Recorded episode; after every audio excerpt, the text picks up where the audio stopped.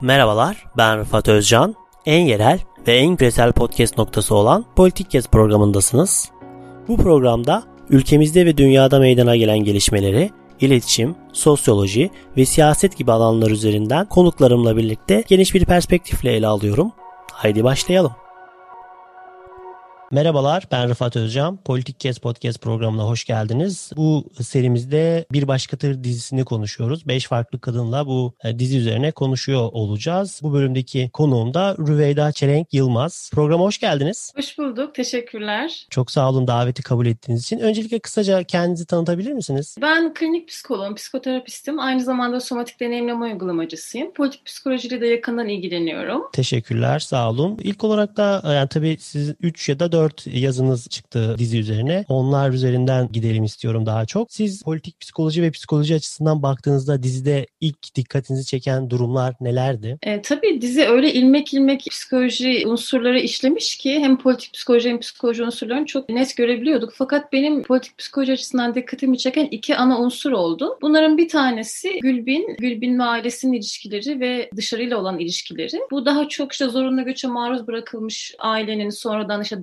dağılmışlığı, kaybolmuşluğu, otoriteyle olan ilişkileri bu çok dikkatimi çekti. Bir ikinci unsur da Peri ve Meryem karakterleri üzerinden aslında toplumun e, layık ve muhafazakar diye adlandırdığımız iki ayrı kesiminin temsil ettiği karakterler işlenmiş. Tabii bunlar abartılı bir şekilde işlenmiş. Bunların birbirlerine olan ilişkileri, birbirlerine olan bakış açısı, ön yargılar bunlar çok dikkatimi çekti. Tabii bu ana karakterler daha çok politik psikolojik öğeleri yoğun olduğu için birbirle olan ilişkileri çok net işlenmiş ama çok böyle kişisel detaylara çok girilmemiş ama onun yerine yan karakterlerdeki o psikolojik unsurlar dikkatimi çekti. O da mesela Sinan karakterinden bahsedebilirim. Sinan karakteri daha çok işte orta üst sınıfa mensup olduğunu tahmin ettiğimiz rezidansta yaşayan, yakışıklı, işte her akşam bir kadın arkadaşıyla cinsel ilişkiye giren bir, bir arkadaş. Fakat Sinan'da şöyle bir şey var. Son derece yalnız ruhsal olarak kaybolmuş ve kendinin de farkında değil. Yani biz Sinan'ın farkında değiliz. Belki dizi boyunca anlayamıyoruz ama o da kendini anlayamıyor. Ne zaman ki annesinin yanına gidiyor, o annesinin ona o yüklediği duyguları görüyoruz. O işte mağdur zorba döngüsünü görüyoruz. Sürekli çocuğun üzerine bir şey yüklemeye çalışıyor. Ağır duygular ve artık Sinan onun duygularını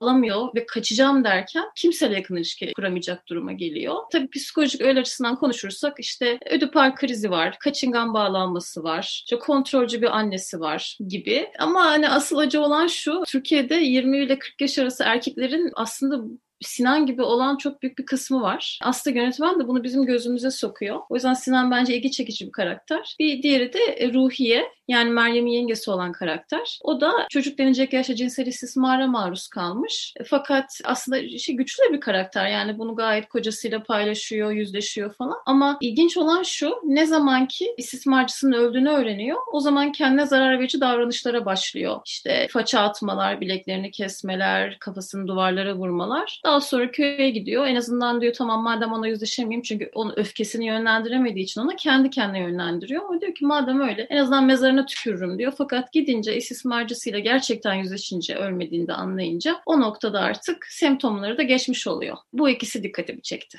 Peki yani yazdığınız yazılardan birinde şöyle diyorsunuz. Dillendirmediğimiz toplumsal travmalarımızı bize gösterdi bu dizi aslında. Buradan tam olarak kastınız neydi ve temelde bunun çözümünü nasıl öneriyorsunuz? Bu travmaları aşmamız için. Evet yani dillendiremediğimiz derken aslında yani hiç konuşulmayan şeylerden bahsetmedim ama yani içgörü sahibi olmadığımız, yüzleşmediğimiz ya da kendimizi anlasak bile bir ötekini anlamaya çalışmadığımız ve hep böyle hasır altına ettiğimiz meselelerden bahsettim. Tabii bu yani çok fazla var toplumda. İşte Kürt meselesi olabilir, layık muhafazakar bir sağ sol çalışması olabilir ya da şu anki günümüzde işte mevcut iktidarın devamını isteyen ya da devamını istemeyen kesimler de olabilir. Ama ben daha çok şimdi hani bu layık muhafazakar ayrışması üzerinde durmak istiyorum. Bu layık muhafazakar ayrışması çok belki son 30 yılın aslında siyasi iklimini de belirleyen şey. Bu nasıl oldu? Aslında bakarsınız önce bir kesim diğer kesimi mağdur ediyor, aşağılıyor. Bu muhtemelen şöyle başladı işte başörtü başörtüyle belki işte girilememe ya da sosyoekonomik olarak daha alt görme gibi bir kesimi o şekilde başlayan ve daha sonra onların mağdur edilmesinin getirdiği süreçle birlikte tam tersi iktidarı ele geçirip bu sefer onların başkalarına mağdur etmesiyle devam eden bir şeye dönüştü. Yani önceden askeri okula kabul almış bir anne oğlunun törenine gidemezken şu anda İmam Hatip mezunu olmasının avantajıyla müdür olan gençler oluverdi bir anda. Dolayısıyla aslında bu döngüden biraz bahsettim orada. Yani mağdur olanın iktidarı ele geçirmesiyle ötekini mağdur ettiği böyle bir döngü yani. Fakat burada şöyle bir şey var. Böyle layık muhafazakar kelimelerini de kullanıyoruz ama bu dizi bize şunu gösterdi. Yani bizim birbirimizi nasıl algıladığımız çok kelimelerle de alakalı ve kendimizin farkındayız ama bir ötekinin farkında değiliz. Şunu demek istiyorum. Yani bu layık muhafazakar ayrımından bahsedersek aslında kelimeler de başta hatalı. Yani layık muhafazakarın tam karşıtı olan bir şey değil. Yani bir insan hem layık hem de muhafazakar olabilir. Layık zaten dini, devlet işlerine ve sosyal hayatına çok fazla alınmaması demek. Fakat biz kişilerin layık olmasından bahsederken çok objektif verilere dayanamayız. Yani bir insanın ibadet edip etmemesi, başının örtü olup olmaması ya da inanıp inanmaması onun layık olup olmadığını bize anlatamaz ne yazık ki. Ama ha biz şunu diyebiliriz. Bir politik figür layık bir tutum sergilemiyor. Bunu diyebiliriz ya da bir devlet için layık ya da layık değil diyebiliriz. Yani mesela ulusal çıkarlarımız için faiz artırımı yapmak gerekiyorsa ve buna rağmen hani faiz haram diye faiz artırımı yapmıyorsak o zaman layık olmayan bir tutumdur diyebiliriz ama kişilerin layıklığından bahsedemeyiz. Bir diğeri muhafazakar, hani tutucu demek ya da belki inandığı şeye katı bir şekilde bağlı demek. Yani şu anda muhafazakar kelimesi dindar kelimesiyle bağdaşmış durumda. Oysa böyle bir şey yok. Yani belki muhalefetin de birçok muhafazakar insanları var arasında. Önce bu kavramları netleştirmemiz gerektiğini düşünüyorum. Bir kavramsal çeşitlilik olması gerekiyor. Çünkü kelimeler böyle dar olduğu zaman birbirimizi de öyle dar alanda görüyoruz. Her ne kadar öyle görmediğimiz bile iddia etsek zihnimiz öyle işlemeye başlıyor. Genç nesiller de öyle. Daha özgürlükçü büyümelerine rağmen ondan sonra illa bu kelimelerle sıkıştırılmış kalıplar arasına girmeye zorlanıyorlar ama öyle bir genç nesil de yok aslında. Yani kendi kararlarını vermek isteyen daha özgürlükçü bir genç nesil yetişiyor. Fakat biz getirdiğimiz travmaları onlara aktarırsak iş daha da karışacak. O yüzden bu layık muhafazakar gibi ayrışmaları önce önüne geçebilmek için bir aynı dizideki gibi yani Peri ve Meryem'in diyalog ve temasla birlikte nasıl çözüldükleri gibi aynı şekilde diyalog ve temas kurmalıyız. İkincisi bu bahsettiğim kelimeleri, kavramları netleştirmeli, çeşitlendirmeli ve doğru kullanmalıyız diye düşünüyorum. Anladım. Teşekkür ederim. Belki yani o şimdi laikliği kullanınca aklıma geldi. Benim de yani özellikle toplumdan bahsederken işte genelce sosyal bilimcilerin dikkat çektiği şey laiki devlet için toplumdan bahsederken de seküler kelimesini daha çok uygun bulduklarını genelde söylerler. Burada da yani yine laik ya da işte seküler kesimden Peri'yi görüyoruz ve bunu da dizide söylediklerinden çeşitli alıntılarla onu çözümlemeye çalışıyorsunuz. Peri kim size göre ve siz onu nasıl değerlendiriyorsunuz? Peri dizide iyi eğitimli, genç, güzel, ailesiyle birlikte yalıda yaşayan, Halk TV izleyen bir aileye, bir Yılmaz Özül takip eden bir aileye sahip olan bir psikiyatrist. Tabii yalnız, yani ruhsal olarak da yalnız anlaşıldığı üzere ve çok ciddi bir yabancılaşma içinde. Orada diyor zaten ben diyor onu açmıştım. Nefes alamıyorum. Sanki bir akvaryumun içindeymiş gibi hissediyorum. İşte onlar çoğunluk, onlar güçlü gibi bir cümlesi var. Süpervizörünü kullandığı. Burada o kadar güzel özetlemiş ki aslında. Yani son dönemde özellikle dediğim gibi bu size daha önce anlattığım bu döngüler üzerinden ciddi bir mağdur kesim oluştu. Ve bu kesim her ne kadar bu arada mağdur kesim dedim aslında çok da mağdur değil. Yani per, Peri'ye baktığımız zaman aslında gayet parası var, kariyeri var, eğitimi var. Sistemin şanslı insanlarından Peri. Fakat buna rağmen mutsuz. Buna rağmen memnun değil. İlginç olan Meryem tam tersi şanssız diyebileceğimiz sosyoekonomik olarak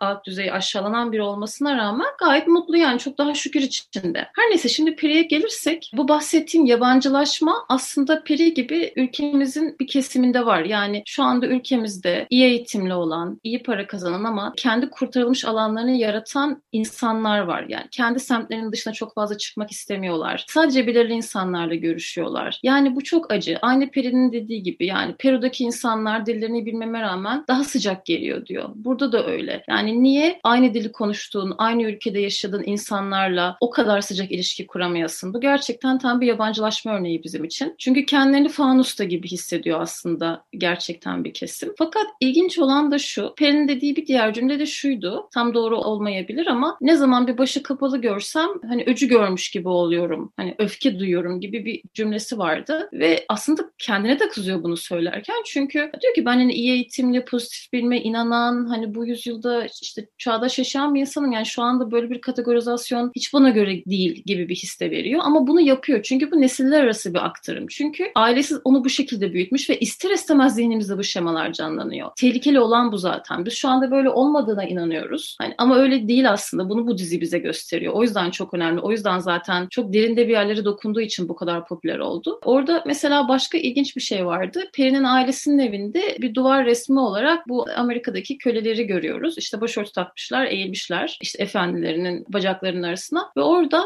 şu aslında ya diyor ki yönetmen bize siz diyor aslında muhalif bir kesime diyor bunu. Yani siz diyor zannediyorsunuz ki diyor işte Amerikalılardaki işte o kölelik şeyini eleştirdiğinizi zannediyorsunuz ama aynı şeyi siz kendiniz yapıyorsunuz diyor. Yani kimliksizleştiriyorlar yanlarında çalışanları mesela Peri'nin annesi. İsmini bile bilmiyor çalışan hani o başörtülü kızın ismini bile bilmiyor. Peri de o başörtülü kızın ismiyle Meryem'in ismini karıştırıyor. Buna psikolojide lapsus deniyor. Yani bilinç dışı bir şekilde onları bağlantılandırıyor. Nitekim zaten bunu izleyen birçok başörtülü kişi de bu şekilde eleştirdi diziyi. Yani biz niye hep böyle gösteriliyoruz şeklinde. Yani niye böyle bir zihin yapısı var hala bu yüzyılda diye. Bunu da söylüyorlar. Öyle.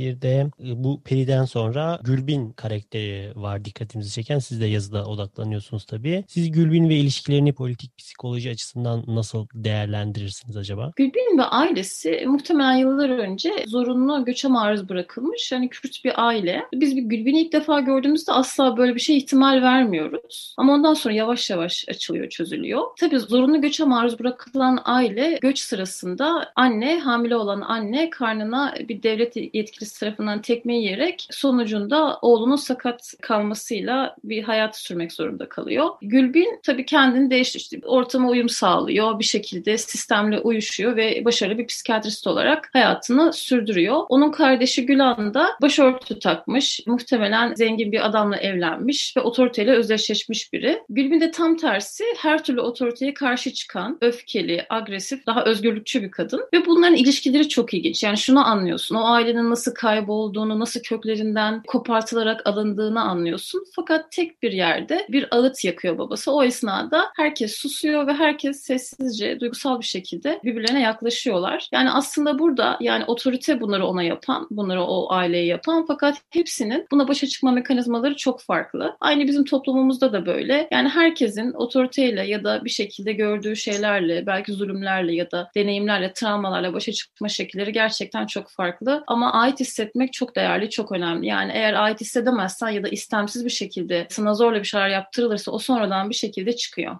Evet, teşekkürler. Bir de tabii ki siz de bahsettiniz Meryem var ve Meryem'le imamın arasında geçen çeşitli konuşmalar var. İmamın telkinine rağmen Peri ile görüşmeye de devam ediyor. Siz Meryem ile imam arasındaki konuşmaları nasıl değerlendiriyorsunuz? Bu size neler hatırlatıyor? Neler söylemek istersiniz bu konuda? Evet, Meryem ve imamın konuşmaları çok dikkat çekiciydi benim için. Özellikle bu Hilmi Meryem'le konuşmak için işte otobüs durağına kadar onunla yürüdüğünde biraz oyalamak da için hani otobüsten bahsediyor. Otobüsün rotasından bahsediyorlar. İşte hangi otobüse biniyorsun? 24 numaraya biniyorum. Tamam peki işte biliyorum ben şuradan şuradan gidiyor, buradan dönüyor, şuraya gidiyor diyor. Fakat Meryem orada şaşırıyor. Hani hiçbir fikri yok otobüsün rotasıyla ilgili. Sadece şoför onu götürüyor, numarasını biliyor ve iniyor. O kadar. Yani hiçbir fikri yok o geçtiği yerlerin doğru mu yanlış mı olduğuna dair. Aslında bu günümüz seçmeni de çok net anlatıyor bize. Yani sadece lidere güvenip, liderin söylediği şeyleri hiç sorgulamayan ve sadece seçim zamanı geldiğinde partilerin amblemine bakarak oy veren insanlar var bu ülkede. Ve acı olan şu, yani sonuna kadar aynı otobüs rotasındaki gibi sonuna kadar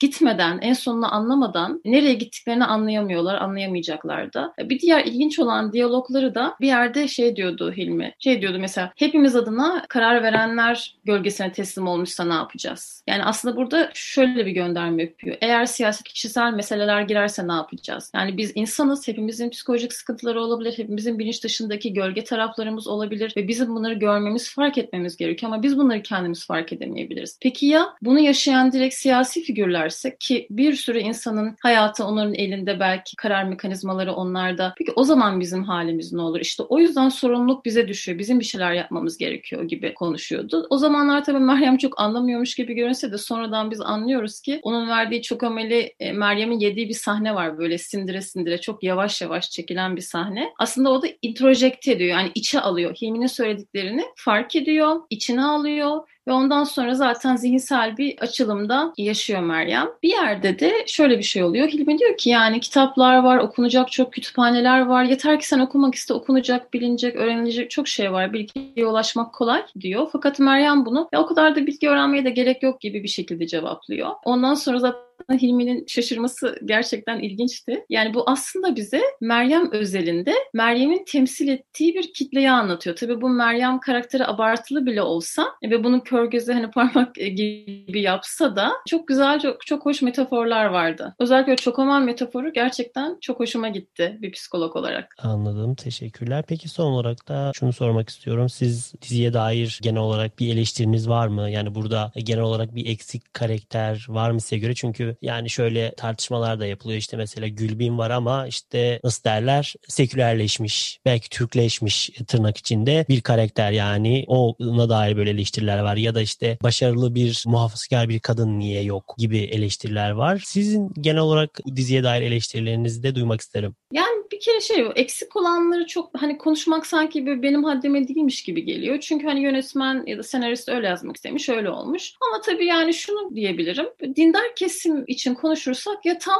gözlem yapamamış, ya tam tanımıyor onları ya da hani o konuyu çok fazla detaylandırmak, eğilmek istememiş. Hani bu layık muhafazakar ayrışmasını daha net göstermek için belki. Çünkü eğer orada gerçekten mesela başörtülü bir terapist olsaydı ki şu anda başörtülü terapistler gayet kemalist terapistlerle yan yana çalışıyorlar. Sıkı fıkılar, hiç sorun yok gerçekten günlük hayatta. Ama eğer bunu gösterseydi diğerini çok gözümüze sokamamış olacaktı. O yüzden böyle hani bizim beynimiz daha rahat alıyor böyle daha radikal şeyleri. Hani o bağlamda ben çok eleştiremeyeceğim. Fakat şu bağlamda eleştirebilirim. Dizinin içeriğinden, her şeyinden bağımsız olarak diziyi izledikten sonra izleyicide bıraktığı duygudan bahsedebilirim. Mesela daha seküler kesimde şöyle bir duygu oluştu. Ya yıllarca anlamamışsın ama ya sen ona empati kur. Biliyorum öfkelisin mağdur olduğun için ama bu öfkeni bastır. Bak sen onu zaten yıllarca değersizleştirdin. Seni şu anda susup anlaman, içgörü sahibi olman lazım. Yani öfkeni bastır gibi bir şey hissediliyor. Ama öte yandan izleyen daha böyle dindar ya da işte başörtülü kesim içinde onlar da şöyle ya görüyor musun bak işte beni ayrıştırdılar, beni değersizleştirdiler işte gibi bir şey ise tam tersi onda da öfke çıkıyor. Yani birinde öfke çıkarken birinde de öfkeni bastır empati kur mesajı geliyor. Yani ben bütün içerikten bağımsız olarak konuşuyorum bunu sadece. Yani bunu siz de kendinize sorun. Hani her şeyden öte ben ne hissediyorum? Ne hissettim yani bu dizi bittiği zaman? Bu da bence